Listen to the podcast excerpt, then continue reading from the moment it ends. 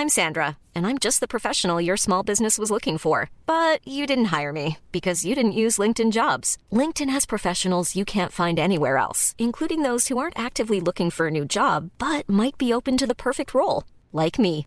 In a given month, over 70% of LinkedIn users don't visit other leading job sites. So if you're not looking on LinkedIn, you'll miss out on great candidates like Sandra. Start hiring professionals like a professional. Post your free job on linkedin.com/people today. This Mother's Day, celebrate the extraordinary women in your life with a heartfelt gift from Blue Nile. Whether it's for your mom, a mother figure, or yourself as a mom, find that perfect piece to express your love and appreciation. Explore Blue Nile's exquisite pearls and mesmerizing gemstones that she's sure to love. Enjoy fast shipping options like guaranteed free shipping and returns. Make this Mother's Day unforgettable with a piece from Blue Nile. Right now, get up to 50% off at BlueNile.com. That's BlueNile.com. Hi, I'm Daniel, founder of Pretty Litter. Cats and cat owners deserve better than any old fashioned litter. That's why I teamed up with scientists and veterinarians to create Pretty Litter. Its innovative crystal formula has superior odor control and weighs up to 80% less than clay litter. Pretty Litter even monitors health by changing colors to help detect early signs of potential illness. It's the world's smartest kitty litter. Go to prettylitter.com and use code ACAST for 20% off your first order and a free cat toy. Terms and conditions apply. See site for details.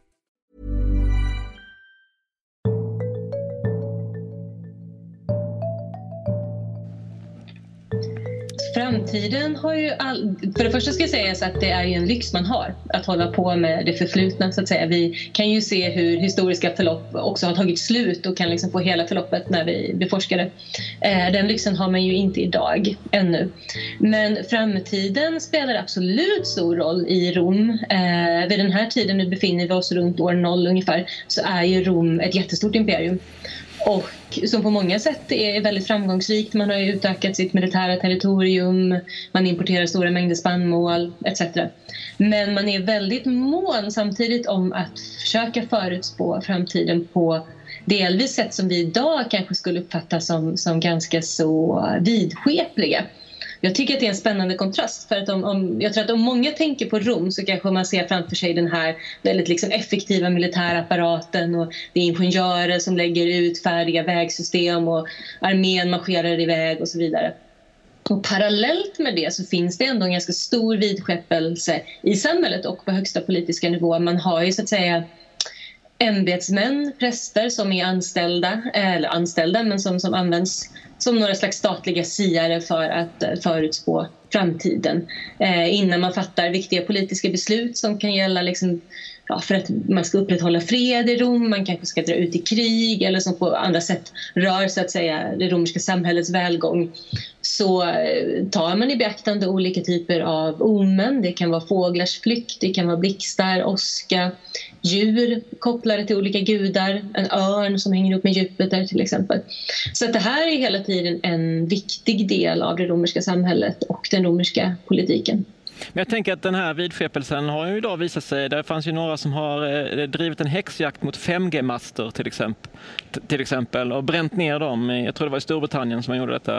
Eh, men, men fanns det liksom en motsvarande i Rom och under eh, kejsar Augustus och Livias tid, fanns det någon motsvarighet till liksom Anders Tegnell? Någon form av liksom voice of reason som man säger? Oj, Roms motsvarighet till Anders Tegnell. Den är ju, vågar jag ju inte säga på rak arm vem det skulle vara. Skulle jag säga. Eh, Men det, det förs ju hela tiden såklart fram olika röster och vi ska inte heller glömma bort att det här vad ska man säga, vidskepliga delen av den romerska religionen den hänger ju också nära samman med det politiska livet. Det går liksom inte att separera exempelvis religion från politik i Rom. Så det, det är ju många röster som hörs samtidigt såklart. Ja, men vi, vi ska komma tillbaks till det, att, att religionen och politiken hänger ihop. Jag, jag tänker lite grann, Jonas, eh, du har ju sagt eh, att, att vi lever just nu i ett paradigmskifte. Eh, och eh, kort när vi pratade om detta innan så kan man kanske se att paradigmskiftet sker i vilket fall. Men just nu så kanske vi också ser vissa av de skiftena ske ännu snabbare. Är det något du kan eh, hålla fast vid eller? Ja, men det är det absolut. Jag sitter här bara och försöker samla mig efter det här med statliga siare, för det är väldigt roligt. Jag tänker att det är väl det vi har ekonomer till idag, så att det, det finns väl kvar. Ehm, Nej, men eh, skämt åsido, det är absolut som vi sa innan, ehm, som jag tror Fredrik var inne på, men det är, alltså, det är naturligtvis en kraftig katalysatoreffekt på vissa bitar. Att man har förberett och förberett och förberett antingen genom att liksom inte göra underhåll eller inte ta hand om sin beredskap, inte ha liksom adekvat infrastruktur, adekvata planer, adekvat träning för flexibilitet när det väl smäller. Och sen smäller det och då, ja, då får man plötsligt se resultatet av det som man då hade monterat ner under lång tid. Eh, och samma sak är det ju med de här snabba förändringarna. Eh, vi såg ju nu till exempel att Amazon har ju då ökat sin eh, globala arbetsstyrka med 100 000 man. De eh, söker nu 75 000 man till. Och det här är då eh, liksom, eh, alltså ett, en triljon dollar företag eh, redan innan. Eh, och, och för eh, inte så många eh, tiotals år sedan så, så fanns inte bolaget. Och, eh Eh, Jeff Bezos som nu är världens rikaste man, hans eh, eh, första investerare var hans föräldrar som han egentligen avrådde från att investera. Liksom. Oklok investering. Nu är de kanske gladare, det vet man inte. Eh, förhoppningsvis är de eh, det. Men, men för, för det här paradigmskiftet som vi ser, alltså, och Fredrik nämnde det också, att, att det finns liksom en utveckling mot eh, det mötet vi har idag till exempel. Det är kul på många sätt, men, men eh, det hade ju inte möjliggjorts om vi inte hade också satt lite tilltro till till exempel internet som ju du var en varm förespråkare för. Eh, får man säga. Eller bredband får vi väl ändå säga. Internet känns konstigt att du var en förespråkare för. Men... Ja, jag, jag, tror, jag, jag tror att internet kan bli någonting fortfarande. Det har potential. det har potential? Mm. Ja. Nej, men skämt åsido så kan man säga så att eh, det är ju precis de här grejerna att eh, vi har ju haft då eh, naturligtvis ett väldigt uppsving i eh, efterfrågan på eh, Eh, ja, internet med hög stabilitet, hög hastighet i hela västvärlden, alltså naturligtvis även i resten av världen så gott de har det. Men eh, det blir dramatiskt att se vilka skillnader det blir. I eh, Frankrike, Italien, Spanien så eh, har näten liksom i princip säckat ihop. De eh, fick en 300-procentig ökning av eh, trafik på fem dagar det fanns ingen bra planering, det fanns ingen bra beredskap. När de stackars teknikerna försökte ut, åka ut och göra någonting så var de inte klassade som beredskapskritisk personal så de blev stoppade och fick köra hem igen. Eh, och, och, för att man skulle då få ut instruktioner om att de skulle faktiskt få lov att göra den uppgraderingen, ja då behövde man ju, ni kan gissa det, internet vilket man då inte hade. Så det, det, är precis det här att när det väl händer, det är inte då man ska börja fundera på oh, men eh, vi kanske skulle ha ett system och klassa vissa saker som samhällskritiska och liknande. Men, och här har vi faktiskt eh, det väldigt väl förspänt i Sverige. Men det berodde ju på vad vi gjorde för 20 år sedan, inte vad vi gjorde igår och vad vi gör idag och vad vi gör imorgon. Mm. Och det är ju att vi har byggt ett riktigt bra bredbandsnät. Eh, alla olika bolag i Sverige bygger på samma principer. Men hade det byggts idag, eh, en av anledningarna att man har så dåliga nät i Frankrike, Spanien och Italien det är att det är byggt senare. Naturligtvis en del korruption och sådär men det är också att det är mycket mer hårdoptimerat. Så att det är byggt bara för att precis klara någon sorts skamnivå. Medan i Sverige så byggde vi det lite mer entreprenörsdrivet så vi byggde det med den bästa tekniken som fanns och det skulle gå att skala upp i framtiden. Och det gör ju bara, om det är någon som sitter här och lyssnar och är orolig för någonting så internetbranschen i Sverige är liksom helt samstämmig och det är liksom ingenting med olika bolag utan all infrastruktur i Sverige idag är dimensionerad för fredag och lördagskvällar. Och även med det här uppsvinget av lite videokonferenser och sådär så att vi är inte i närheten att på vardagar ha fredag och lördagskvällsnivån. Så att näten är vi behöver inte göra någonting. Alltså, vi hade en beredskapsövning, bara för att vi tycker det är kul, eh, i branschen. Så vi hade en digital fika. Det kändes väldigt svenskt. Då övar man helt enkelt att kan vi få tag i rätt folk, kan vi sitta och liksom prata tillsammans och alla är beredda att hjälpas åt. Och det här är då helt utan chefers medverkan, så det här är på riktigt.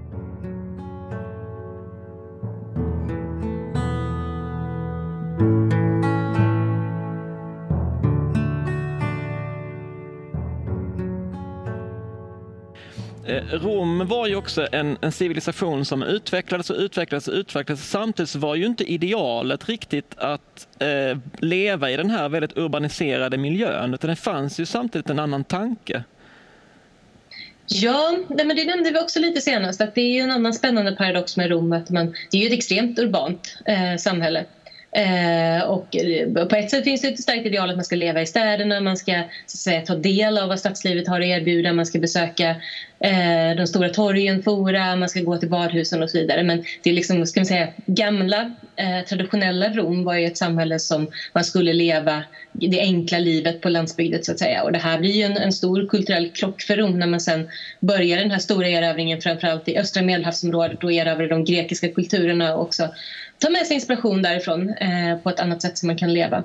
Och samtidigt om vi ska på något sätt knyta an till idag så kan man ju tänka att Rom fortsätter ju att expandera. Man var duktig på att bygga stora vägsystem som knöt ihop samhället. Man hade en stor export och import, eh, starka handelsförbindelser. Och utan att riktigt vara medveten om det så byggde man ju också starka transportsystem för olika typer av virussjukdomar på samma gång. Eh, så är det ju att det, det fanns en så stor eh, social eh, mobilitet men också mobilitet med, med, varor i Rom som ju var lätt för exempelvis en svartråtta att hoppa på en spannmålstransport från Egypten och snabbt färdas till Rom eller längs med kusten. Så utan, att, utan att vara medveten om det så byggde man ju faktiskt också för, för epidemier även i Rom. Och det, och det, kan man ju se idag att, att det finns ju en grundstruktur i att kraftigt urbaniserade miljöer drabbas hårdare såklart. Det finns mindre utrymme för. Men, men i den infrastrukturen som då har påbörjats byggas och byggdes eh, för vår del så finns ju möjligheten att just det här referensen till, till eh, kan det vara 1999 som man pratar om så nu kan vi leva och bo var vi vill eh, för nu, nu kan man liksom sitta var som helst. Och det, det går ju tillbaks nästan till det här idealet som man hade i, i romarriket. Man, ska, man kan odla sin trädgård och, och eh, hänga, hänga med sin familj någon helt annanstans. Sitta i sin eh, lantegendom utanför Rom där det är lite svalt och skönt och inte, inte absolut vara inne i det trånga och smutsiga stadslivet. Absolut. Eh, men, men eh, det här med att, att eh, alltså man pratar om den här digitala transformationen, Jonas. Alltså för du har ju sagt så här att framtiden är redan här, den är bara ojämnt fördelad. Vad menar du med det? Jo, men det är liksom folk, det, det är just det här med att vi pratade lite i början också om liksom, hur ska man förutsäga framtiden och det är svårt och sådär. Men eh, det är delvis sant, eh, delvis är det inte sant. För att väldigt mycket av till exempel teknik och lösningar och sånt här, det finns redan eh, långt tidigare innan det får den här eh, masspridningen. Eh, sen kan det ju bli såna här katalysit, alltså, kat, alltså katalysatorer som gör att saker... Ja, det var svårt där. Jag har inte ens druckit. Jag, nej, jag, nej, nej, hade jag varit i Italien så jag kanske druckit i luft lite ja, bättre. Det, det, får man göra. Eh, men eh, det som är grejen är att det, det som gör att det, alltså, att det i media eller i ska vi säga, allmänmedvetandet upptäckt vad oj, nu hände det här. Åh, så spännande, undrar vad det kom från, det har aldrig talas om. Då har det nästan alltid funnits i 40 år i någon form om man tar digital teknik. Det har liksom funnits relativt välspritt inom fackpersonernas eh, domän i, i 20 år och sen så får det då den här kritiska massan och sen ibland då får man liksom någon karismatisk Steve Jobs eller så här som sätter ihop sånt som redan finns från olika forskningsfält, paketerar det väl och eh, gör det till en kommersiell produkt som sen då kan få en kritisk massa och därmed sprids och så plötsligt så upptäcker folk att det roligaste sen, om man bara tar kopplingen här till Lovisa igen, det är det här med när man frågar folk om olika saker så är det väldigt avslöjande att folk har ju väldigt koll, dålig koll på sin även nutidshistoria. Så man frågar folk så här, kommer du ihåg när du fick din första mobiltelefon? Ja, ja, ja, det kommer jag ihåg. Och när du såg på tv första gången? Ja, och när färg-tv kom? Ja, visst, visst. Men kommer du ihåg när du fick e-post? Ja, jag har alltid haft. Eh, och det, det, har de ju då inte. Men det, det men det känns kanske så eh, idag? Att vi, vissa saker som vi vänjer oss vid eh, såklart och vi liksom eh, håller fast vid dem som en självklarhet. Eh, livet utan smartphone idag Ehm, men för, för, jag upplever ju nästan som, som det här eh, att, att vi idag är liksom tillbaks till min barndom, till ett 80-tal där saker och ting var stängda. Ehm, vi, vi, det stängde klockan ett och det stängde, alltså det var stängt på helgen och stängt eh, eh vissa tider. Så här, och det var liksom inte den, den, det öppna, eh, öppna och, och ganska nöjesdrivna samhälle som vi har idag. Ehm, men eh, så, så, att någonstans får jag tillbaka ett litet lugn och i, i det att det finns en, finns en koppling tillbaka till en annan tid som jag har upplevt i alla fall. Ehm, men, men eh, Lovisa, alltså, idag då kan man, liksom, kan man på något sätt dra några eh, lärdomar av historien, om man går så långt tillbaka så där du befinner dig och forskar dagligdags, alltså av att hantera det här coronaviruset eller den här spridningen eller liksom hur vi eh, agerar som, som både som samhällskropp och som, som, som globala medborgare? Men absolut, vi pratar inom forskningen om ett begrepp som kallas för resiliens, alltså ett samhälles förmåga till återhämtning. Och om man då som jag har lyxen att titta på historiska pandemier och epidemier så kan man se att, att väldigt få, ska säga, inga historiska förlopp är helt linjära. Vi kan se att vissa av de epidemier som drabbade Rom leder inte till speciellt djupgående samhälleliga förändringar medan andra får väldigt stora konsekvenser. Eh, och man kanske inte ska, man ska absolut inte underskatta epidemier eh, men man ska heller inte underskatta människans förmåga till förändring och anpassning. Det är alltid ett samspel där. Man kan se Visst finns det omständigheter vi inte kan rå över som, som i samtalet före mig och Jonas när man pratade om att ingen kunde förutspå att eh, vi skulle drabbas av just den här sjukdomen just nu så eh, finns det hela tiden också mänskliga faktorer som griper in och de kan ju på förhand vara svåra ibland att förutspå vilka det är som kommer få fäste även när, när olika kriser är, är, har blåst över så att säga. Mm. Eh, Jonas, du, du har ju målat upp någon form av... Eh, det finns fyra hörnstenar här i ditt moderna samhälle. Vi såg nu att eh, oljan handlas negativt idag. Priset på olja har nu gått under. Man handlar för negativt 37 dollar per fat. Och så här. Och, jag handlar, brukar inte investera i olja eller vara någon stor oljehandlare, det ska jag inte säga. Men jag förstår att det, det är, ju, det är ett underbetyg för det, för det priset för den som vill sälja olja i alla fall. Men i dina hörnstenar så hade du, internet var ju såklart en, eh, och sen var det solceller och batterier och så då molnet. Va, va, de här fyra delarna, va, ser du att det, det, är nu med oljeskiftet som, som batterierna får, får ännu, ännu större fäste? Alltså om man pratar om de här olika samhällena i modern tid så har vi bara haft de här som bakgrund. Så har vi pratat om det här med jordbrukssamhället naturligtvis, industrisamhället. Väldigt kul att prata om jordbrukssamhället och industrisamhället eftersom Sverige var det land i västvärlden som var, tycker jag, då bäst på att göra den omställningen med stora infrastruktursatsningar i form av järnväg som gav synkroniserad tid över Sverige och sånt där. Ehm, men sen har vi då, nu går vi från industri till nätverkssamhälle och det är den katalysatorn vi sitter i just nu.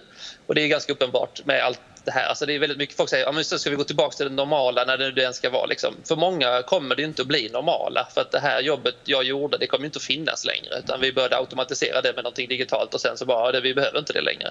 Och då gäller det att ställa om och göra någonting annat. Men det jag har pratat om sen, för det är alltid roligt att dra ut det här, det har vi gjort redan för 20 år sedan, det är liksom att vad kommer efter nätverkssamhället? Ja men då kommer energisamhället. Och det är det här som vi nu också ser och ganska tydligt med att Eh, vi har gått förbi det paradigmskiftespunkten att idag är det de stora pengarna. Alltså det investerades förra året så investerades det mer pengar i sol och vind än i alla andra energislag tillsammans. Och naturligtvis kommer det här att påskyndas av och de här bitarna också, den här omställningen. För att det är inte bara det att de är mycket bättre och billigare och ger bättre avkastning. De är också just det här med eh, resilienta, de är robusta, de är lokala, de går att distribuera. Man kan bygga elnät på ett helt annat sätt. Man behöver inte bygga in den här centralmaktstrukturen som man ofta gör. Eh, för den är väldigt sårbar när det blir lite skakiga saker och det gör då att då behöver man organisera om samhället på ett annat sätt för att man behöver vara mer motståndskraftig helt enkelt. Och de som inte gör det, ja de slås ut och de som gör det, de blir då dominerande istället. Liksom. Men sen sista bara, för att, eh, efter energisamhället då, så pratar vi om det biologiska samhället. Och det har vi fått en liten påminnelse här om att eh, lite kod eh, i, i, i, biologisk form då packat i ett totalt standard eh, receptoriskt paket som bara omprogrammerar om våra celler och så har man bara lite, lite, lite annan eh, kod och så får vi då en en viss hälsoeffekt men vi får framför allt en enormt psykologisk effekt. Alltså ibland när man tittar på social media, det gör jag för att jag är en konstig människa, men då kan man ju då kan man ju dessutom som att folk bara har upptäckt, alltså vet ni, berätta för era barn eller göm undan familjen. Det dör människor. Det är helt fruktansvärt. Alltså, om alla nu bara stannar hemma och vi har en stark man eller stark kvinna som bara säger åt oss och bestämmer och det värsta jag såg igår, så nu vet vi i alla fall att peak-kris i Stockholm måste i alla fall vara över. För nu har liksom den här idiotkommentarsnivån kommit i media där man börjar prata om alltså hur ser egentligen statsepidemiologen ut? Varför har han inte finare kläder? Borde det inte finnas ett regelverk hur man ska se ut när man pratar om allvarliga saker i tv? Och det där känner jag ju igen på något sätt. Så då har man liksom kommit tillbaks till liksom, att man inte ska få lov att vara ful i TV. Det är faktiskt en mänsklig rättighet.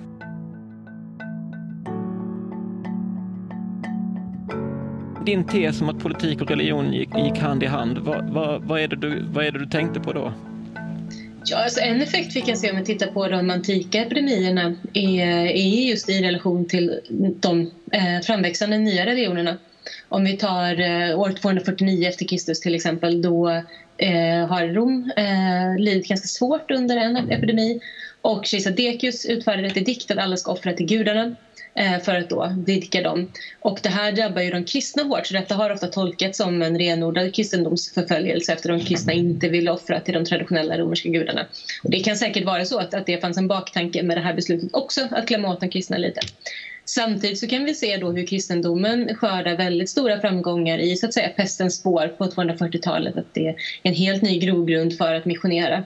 Vi kan också sen se det längre fram när, när det stora pest Dels att det är Rom pesthärjas men också stora klimatförändringar eh, som gör att skördarna slår fel och så på 500-600-talet efter Kristus. Och då kan vi också se hur både inom kristendom, juden, judendom och islam att det blir, de apokalyptiska dragen förstärks och de eskatologiska strömningarna blir mycket starkare. Va, vad är eskatologiska? Alltså att man är mycket mer fokuserad på, på en, ja, vad händer vid tidens slut, ja. antingen ens eget liv eller jordens ja. slut så att säga, eh, och vad som väntar på andra sidan. Och det är ju frågan om vi kommer att se ett nyandligt uppsving kanske nu. Ja. Eh, i USA skickade en bild från sin lokala bokhandel där just så new age-hyllorna var helt eh, tömda från litteratur. Så att, eh, vem vet? Det, det är toalettpapper new age-litteratur. Det, är där, det är det vi kommer ur detta med.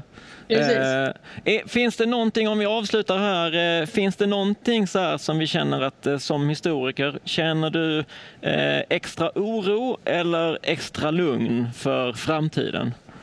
Man kan faktiskt känna ett extra lugn eh, just för att man har ett så pass djupt tidsperspektiv att utgå ifrån. Att som sagt, även om mänskligheten kan drabbas av fruktansvärda saker så har vi en ganska stor... Vi är ganska dåliga skulle jag säga som art på att, att agera preventivt men vi är ganska duktiga på att anpassa oss till, till rådande omständigheter. Eh, så i det så kan jag faktiskt känna ett visst, ett visst historiskt lugn. Och Jonas, hur, hur, känner du inför eh, kommande dagarna, veckorna, månaderna, åren?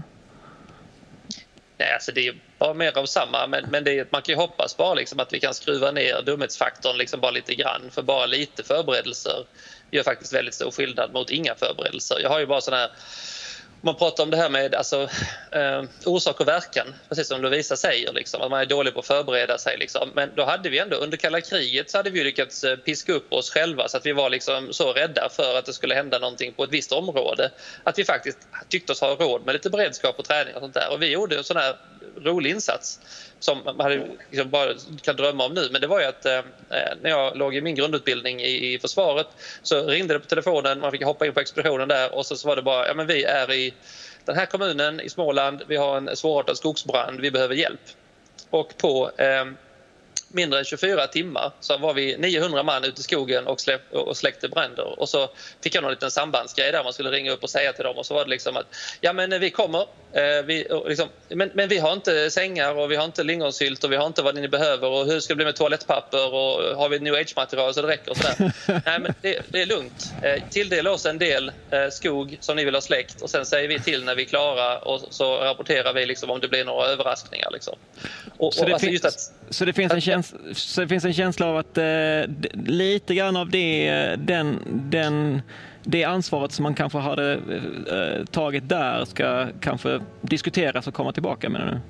Alltså helt enkelt att hur hittar vi någonting som kan motivera för oss att ha någon typ av infrastruktur som vi sen kan använda flexibelt. För det kommer inte att vara precis det som vi tror blir bekymret.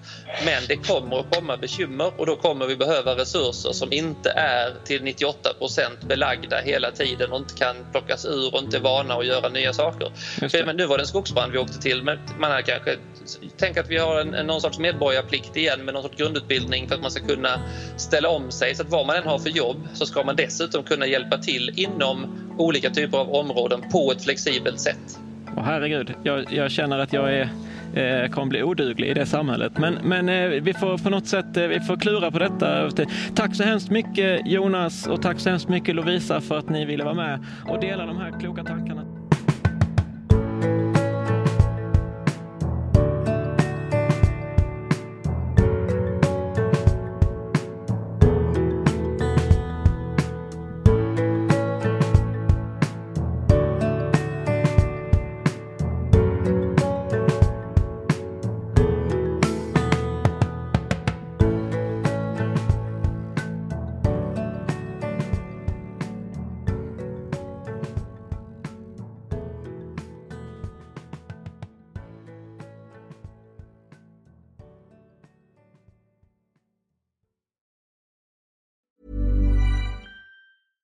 Selling a little or a lot?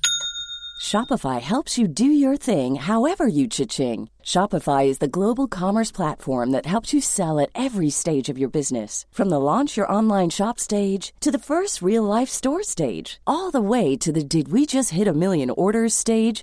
Shopify is there to help you grow. Shopify helps you turn browsers into buyers with the internet's best converting checkout. 36% better on average compared to other leading commerce platforms because businesses that grow grow with Shopify. Get a $1 per month trial period at shopify.com/work. shopify.com/work. Imagine the softest sheets you've ever felt. Now imagine them getting even softer over time. That's what you'll feel with Bowl and Branch's organic cotton sheets. In a recent customer survey, 96% replied that Bowl and Branch sheets get softer with every wash. Start getting your best night's sleep in these sheets that get softer and softer for years to come. Try their sheets with a 30-night guarantee. Plus, get 15% off your first order at bowlandbranch.com. Code BUTTERY. Exclusions apply. See site for details. Planning for your next trip? Elevate your travel style with Quince. Quince has all the jet setting essentials you'll want for your next getaway, like European linen, premium luggage options, buttery soft Italian leather bags, and so much more. And is all priced at 50 to 80% less than similar brands. Plus, Quince only works with factories that use safe and ethical manufacturing practices. Pack your bags with high-quality essentials you'll be wearing for vacations to come with Quince. Go to quince.com slash pack for free shipping and 365-day returns.